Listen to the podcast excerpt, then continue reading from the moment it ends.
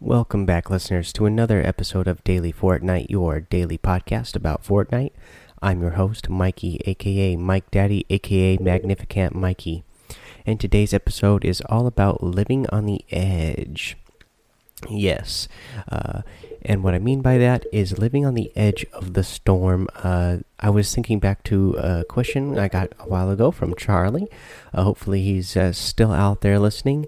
And you know, he asked a question about um, you know some top uh, tips for uh, newcomers to Fortnite, or you know, just newbies or people who are still, you know, getting the grasp of playing Fortnite and um, you know are trying to get better at, like most of us are.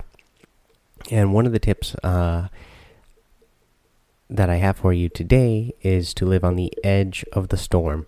Um, you know, if you if you land on the map and uh, you know the initial there's the initial cooldown period before they uh, show you where the uh, storm circle is going to be.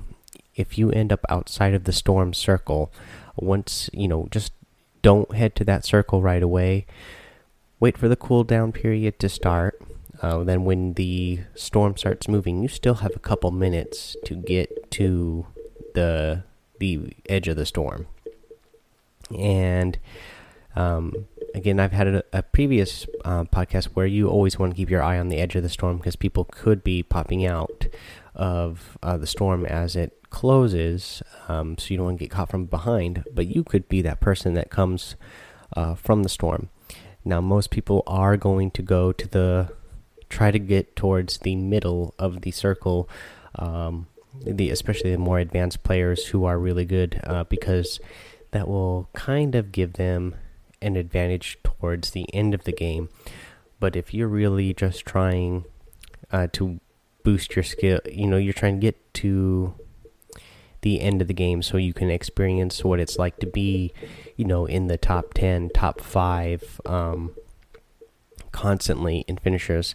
I would suggest, you know, going around looting, picking up, you know, picking up your weapons, picking up supplies, and then uh, each time that the storm is closing, you're just going to the edge of the storm when just just when the storm is about to close in on the circle. Um, that is going to give you a high chance of um, the I should say it'll be the least likely that you'll run into anybody if you use this strategy. Um, you're constantly going to be out on the edge, um, hopefully, you know, away from everybody. And so people usually, if they're already in the middle of the circle, they don't go out of their way to go out to the edges of the circle. So if you're on the edge, um, you're usually pretty safe. You're obviously, um, you know that nobody was behind you.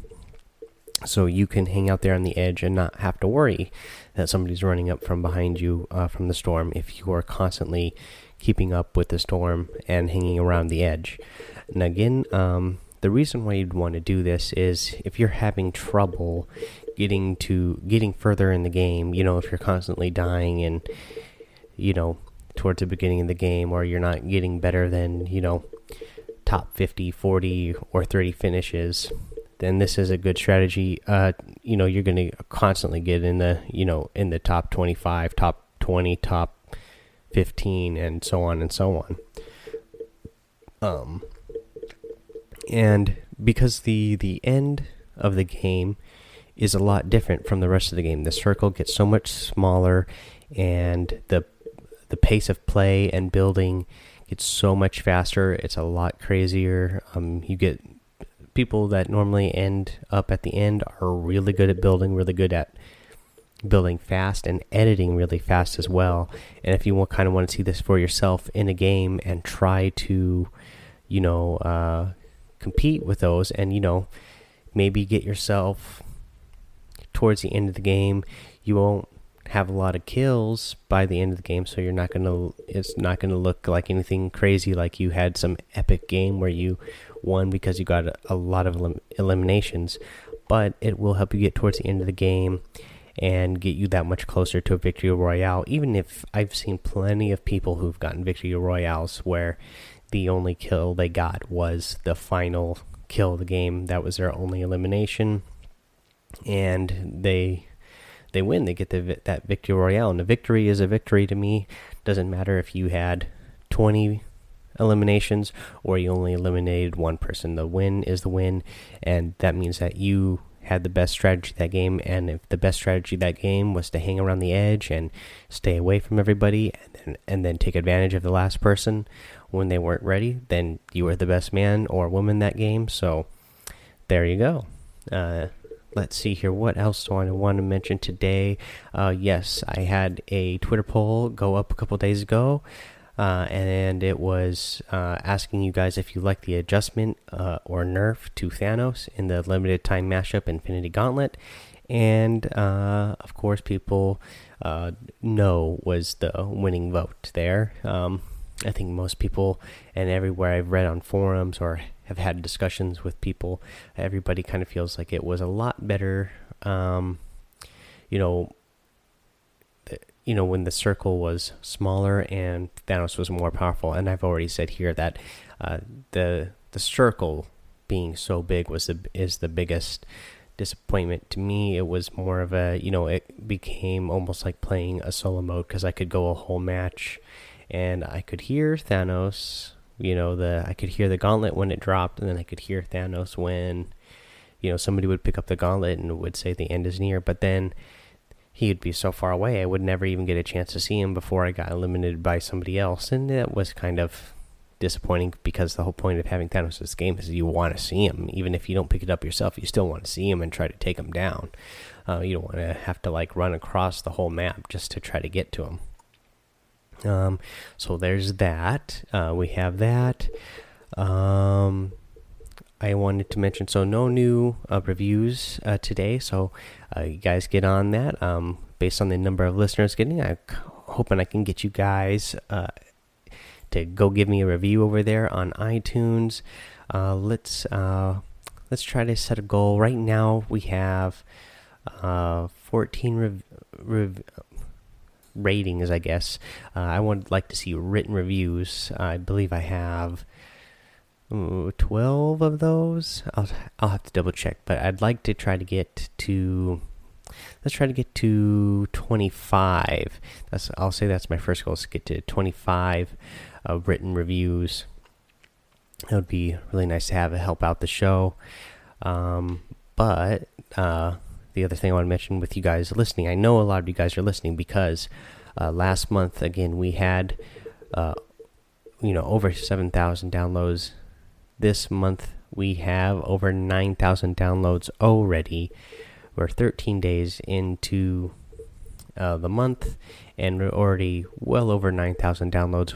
Going to be on our way uh, to 10,000 probably in the next day or two if it keeps going at the rate people are downloading. And again, the rate of people downloading the show is going up every single day. So I only have you, the listeners, to think about that because I'm not really you know, again, I haven't like told in my friends that I'm doing this show, so it's all been word of mouth of people finding the show and then telling their friends that uh, the show is going on here.